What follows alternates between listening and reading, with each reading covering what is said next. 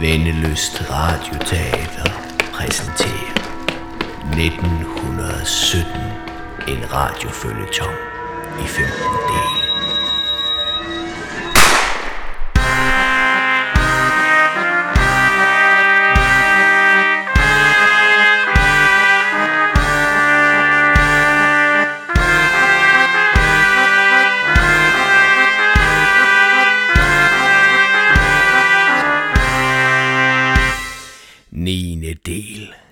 Støtte for Husmoderforeningens arbejde.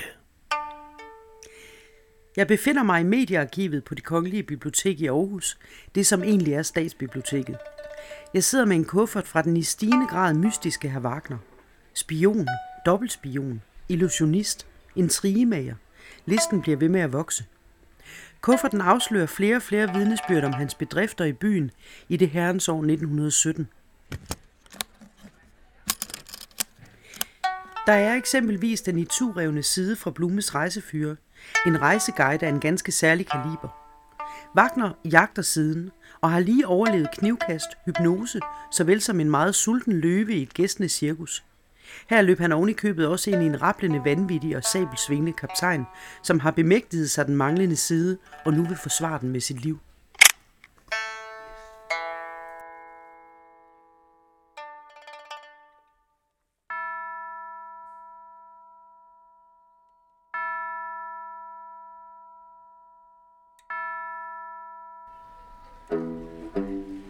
Nu vel, lad os komme i gang med del 9. Wagner skynder sig tilbage til hotellet, indtaler sandsynligvis en valse eller to til kejser Karl, skifter til kjoler og hvidt, inklusiv butterflyen med det diskret indgraverede rigsvåben for dobbeltmonarkiet Østrig-Ungarn. Ja, det med inskriptionen indivisibilitær ac inseparabilitær. For de, der ikke som jeg er skolet latinere, betyder det udelelige og uadskillelige. Er det i virkeligheden det, der er Wagners opgave i evidensbyrået? Han skal forhindre, at dobbeltmonarkiet falder sammen. I så fald gør han et virkelig dårligt stykke arbejde. Hvorom alting er, iført sit stiveste pus og stadig med en revolver i lommen og morfindrupper gemt i skoen, ankommer han til Kanikegade og selskabsklubben Polyhymnia, hvor den stadig hypnotiserede kaptajn Junker er hastet hen med den iturevne side fra Blumes rejsefyr. Imens Wagner står uden for klubben og tænker over, hvordan han måske komme ind, dukker Johanne Agerskov op. Du kommer ikke ind uden ledsager, Maximilian. I aften er der velgørenhedsarrangement for Husmorforeningen. Det forventes, at man har sin hustru med. Skal det forstås som et ægteskabstilbud? Det skal forstås som et tilbud om en hjælpende hånd. Jeg ved ikke helt, om jeg er tryg ved det, du kalder en hjælpende hånd. Kig på plakaten. Der er kun adgang for mænd, hvis de er i selskab med deres hustru. En selskabsklub, hvor mænd kun har adgang sammen med deres hustru. Det var aldrig sket i Wien. Hvordan vidste du i øvrigt, at jeg vil komme her? Efterretninger bevæger sig med imponerende hastighed, når man har de rigtige forbindelser. Det burde du vide alt om, Maximilian. Nu vel, ikke så meget snak, lad os gå indenfor. Der er ingen tid at spille. Regel nummer 31 i Blumes rejsefyre. Ønsker de som udefra kommende at deltage i arrangementer i finere selskabsklubber, gælder regel nummer 11 ikke længere. Handelsrejsende i morfinpræparater fra Wolfsberg er ikke gangbart. De kan vælge at titulere dem som direktør eller baron. Vi anbefaler dog attaché ved et gesandskab. Det giver dem mulighed for at afslå og besvare nærgående og kompromitterende spørgsmål under henvisning til rigets og ikke mindst kejserens sikkerhed. Brug gerne Blume som dæknavn. Du ser mig i øvrigt en kende forslået ud i ansigtet. Har du igen mødt en fra din glorværdige fortid? Ikke så meget snak. Var det ikke det, du sagde? Lad os gå indenfor.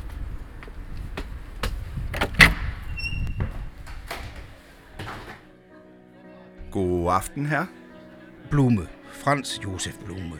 Attaché ved det østrig-ungarske gesandskab. Det der er min hustru, fru Attaché Johanne Blume. I anledning af aftens velgørenhedsarrangement koster det 10 kroner at komme ind. Til gengæld går det til et godt formål, Husmoderforeningens værdifulde arbejde. Naturligvis. Værsgo. Hvis de vil af med overtøjet, kan det ske i garderoben. Koncert og auktion er i salens venstre side. Tak.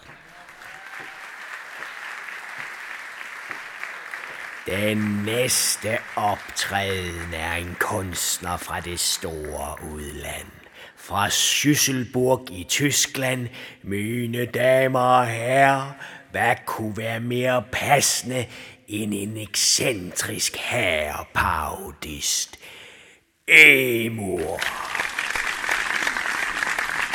Schüsselburg. Hvorfor valgte Blumes rejsefyr ikke den by frem for Wolfsberg? Den var med i en tidligere version af Blumes rejsefyre, men efter at Dr. Schrackmüller trådte ind i den tyske efterretningstjeneste, ved alle, hvor Schüsselburg er. Vil det sige, at... Ja. Må ikke, at det er Fräulein Doktor? Shh, hun er allerede i fuld gang. Ach så, mein herr. Jamen, så ved de måske, hvorfor Moses gik rundt i ørkenen i 40 år. For de allerede dengang stoppede mænd ikke op for at spørge om vej.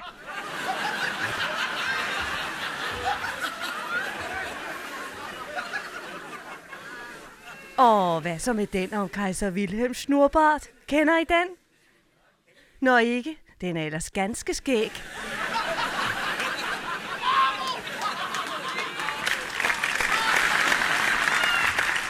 Må hun nogle gange optræder med mensur? Ah, fordamt! Shh. Ah, fordamt! Selvfølgelig gør hun det. Men det var jo slet ikke en mand, der optrådte som tankelæser i cirkus. Jeg burde have genkendt hende med det samme. Og jeg burde have genkendt hendes metoder til mentalt at programmere sine agenter til at gøre hvad som helst.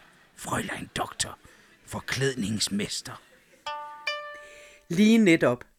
Jeg har fundet følgende fonografiske valse i Wagners kuffert. Af alle mine kvindelige bekendtskaber, mein kejser, er Elisabeth Schrackmüller nok det mest interessante og dødsensfarlige. I sit civile liv doktor i statsvidenskab, men langt vigtigere, forstander for den bedste og mest hemmelige spionskole i Antwerpen. Hun har sat nye standarder for spionage, og tro mig, det var tiltrængt.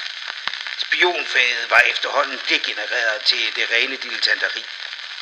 Så effektive er hendes træningsprogrammer, at de engelske og franske efterretningstjenester gør alt for at opspore og uskadeliggøre hende. Indtil videre uden held.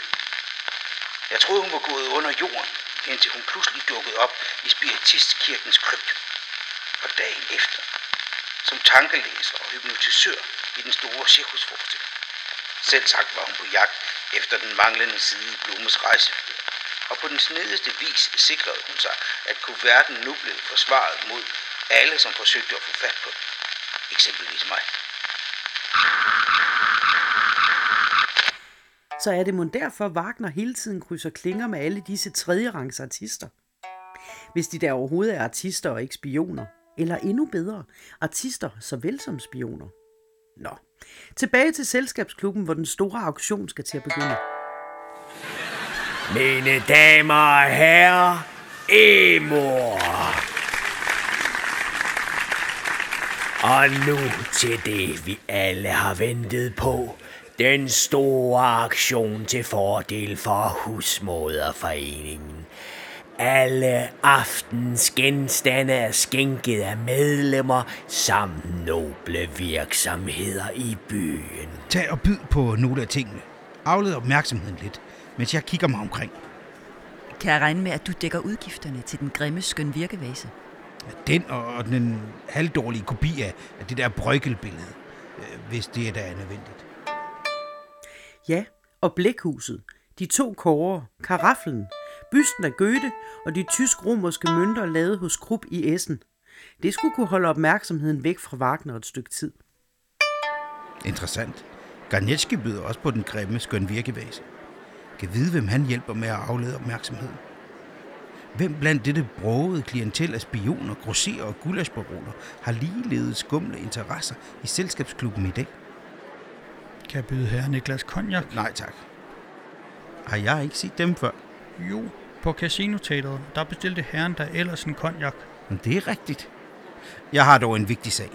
Ganske som sidst. Noget, jeg kan være behjælpelig med. Jeg har mistet noget, der er mit.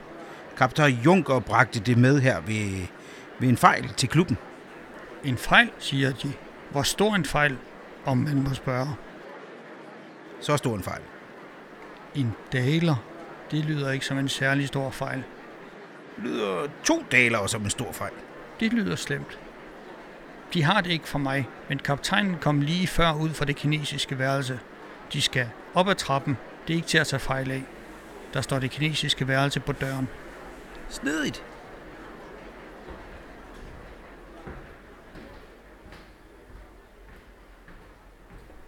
Ikke så hurtigt, Maximilian. Jeg vil med. Aftalte vi ikke, at du skulle købe alt, hvad der var på auktionen? Jeg forsøgte, men Ganitski bød over hele tiden. Så nu har han både den grimme skøn virkevase, brøkkelkopien, blækhuset, de to kårer, karaflen, bysten af Goethe, de tysk-romerske mønter og et par lettere ridsede lakplader med musik fra Charles Gounods Faust. Kan jeg vide, hvad han skulle bruge dem til? Nå, jeg har altid drømt om at se det kinesiske værelse. Skal vi ikke gå ind? Der skulle være et pengeskab. Selvfølgelig. Og det er sikkert der, den hypnotiserede kaptajn har gemt kuverten med den i revne side. Ganske snedigt tænkt af frøjland doktor. På den måde er kuverten sikret bag ameringer og kodelåse, og bag en gal og livsfarlig kaptajns sabel. Stille, Maximilian, ellers så kommer den sabelsvingende kaptajn tilbage. Han er nok et sted i nærheden. Du har ret. Lad os gå ind.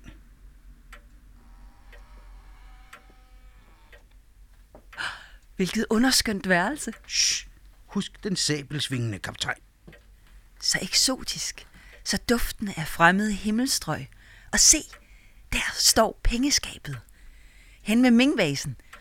Et Karl Ernst Ludvig Bishop fra Aarhus. Hvis du vil rykke lidt til siden, Johanne. Det der er mit speciale. Jeg optrådte i gamle dage med illusionsnummeret Den kinesiske æske i Shandong. Her i indgik kunsten at bryde ind i et pengeskab efter et lommeur gemt i en kinesisk æske. Houdini havde et tilsvarende nummer, men mit var bedre. Det efterlod måbende tilskuere i samtlige europæiske storbyer. Vil du åbne pengeskabet? Ja, forestil dig, at lyset dæmpes. Publikum holder vejret. Albert Hansen og hans internationale orkester spiller op. Og ind sniger jeg mig, forklædt som kineser.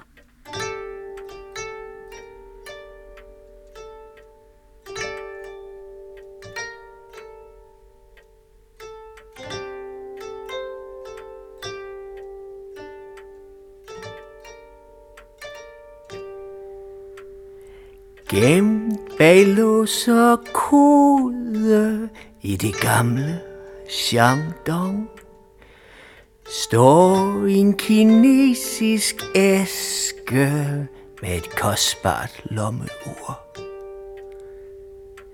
Lommeuret tilhører en vis kinesisk guvernør.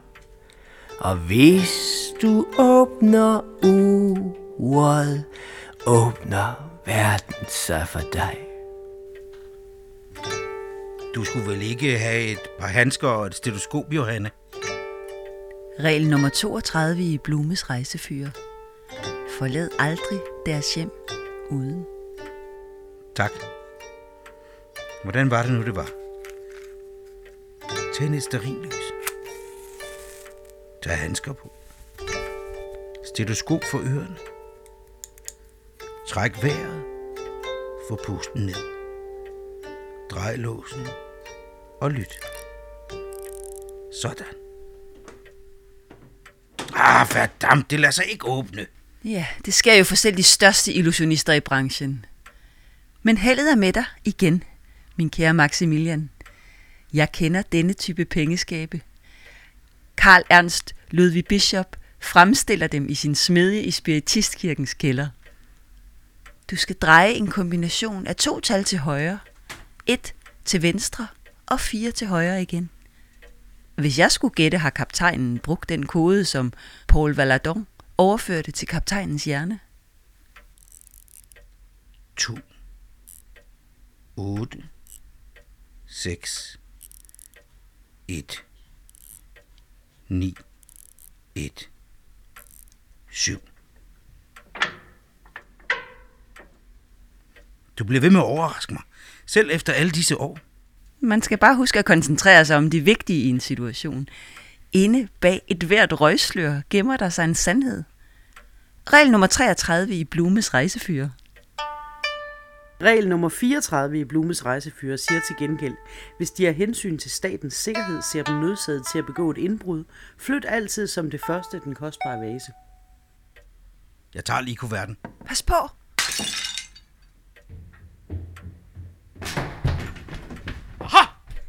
Det ikke nok? Hvis de vil være så venlige at rykke til siden, herr kaptajn. Der er stadig en kugle tilbage i min revolver. Og min sanden, om den ikke har deres navn på. Hvad? Ah, de bluffer. De gav mig selv kuglen. Ja. Jo. Bare nu vel. De vinder denne gang. Men de kan ikke undslippe mig, herr Wagner. Inden de er nået til Bispetorv, har både jeg og min sabel indhentet dem. Jamen, øh, så må det blive et på gensyn, herr kaptajn.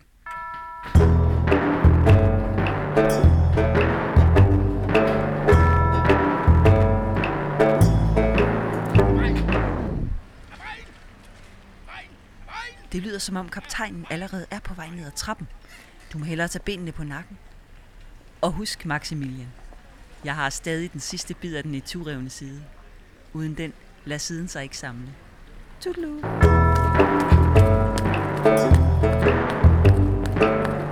Fik de, hvad de skulle bruge, herr Wagner? Dem igen. Jeg har ikke tid nu. Hvis de vil gøre dem nyttige, så, så kunne de måske aflede kaptajnens opmærksomhed, når han kommer ud. Så gerne. Selvom man kun har et ben, kan man godt spænde ben. Hvis de forstår en kvik bemærkning. Ja, det gør jeg. Tak.